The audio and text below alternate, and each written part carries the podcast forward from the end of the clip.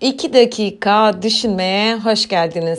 Şimdi e, ben hani hiç hayatınızda oldu mu bilmiyorum. Biri bir şey anlatırken bir, bir konu, bir fikir, bir cümle çok böyle direkt saplanır içinize. Çok etkileyici olur.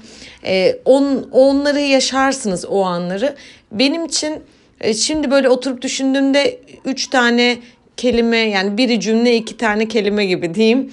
Ee, üç şey var böyle çok etkileyicidir. Bunları da böyle etkilendiğim cümleyi, enerjiyi hayatımda tutarım. İhtiyacım olduğunda onu tekrar beni tetikleyici olması için kullanırım. Bunlardan biri rağmen. Ee, rağmen bana her şeye rağmen denemeyi hatırlatır her zaman. Ee, o yüzden rağmen kelimesini hatırlatıcı olarak kendimde tutarım.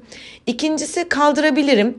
Bir dizide görmüştüm. Yani söyle kaldırabilirim. Yani kaçmayıp e, gerçeklerle yüzleşmeyi e, seçtiren e, e, fiil benim için. Kaldırabilirim. Yani bunu hissediyorum ve zaman zaman da bunu hatırlıyorum. Diğeri de yine bir dizide görmüştüm. Senin için ne yapabilirim? Ee, sizin için ne yapabilirim? Hani genelde bu kurulur ama yani bunu kendim için ya yani insanlar için kullanıyorum zaten işim gereği ama kendim için de kullanmayı seviyorum. Betüş bu konuda senin için ne yapabilirim?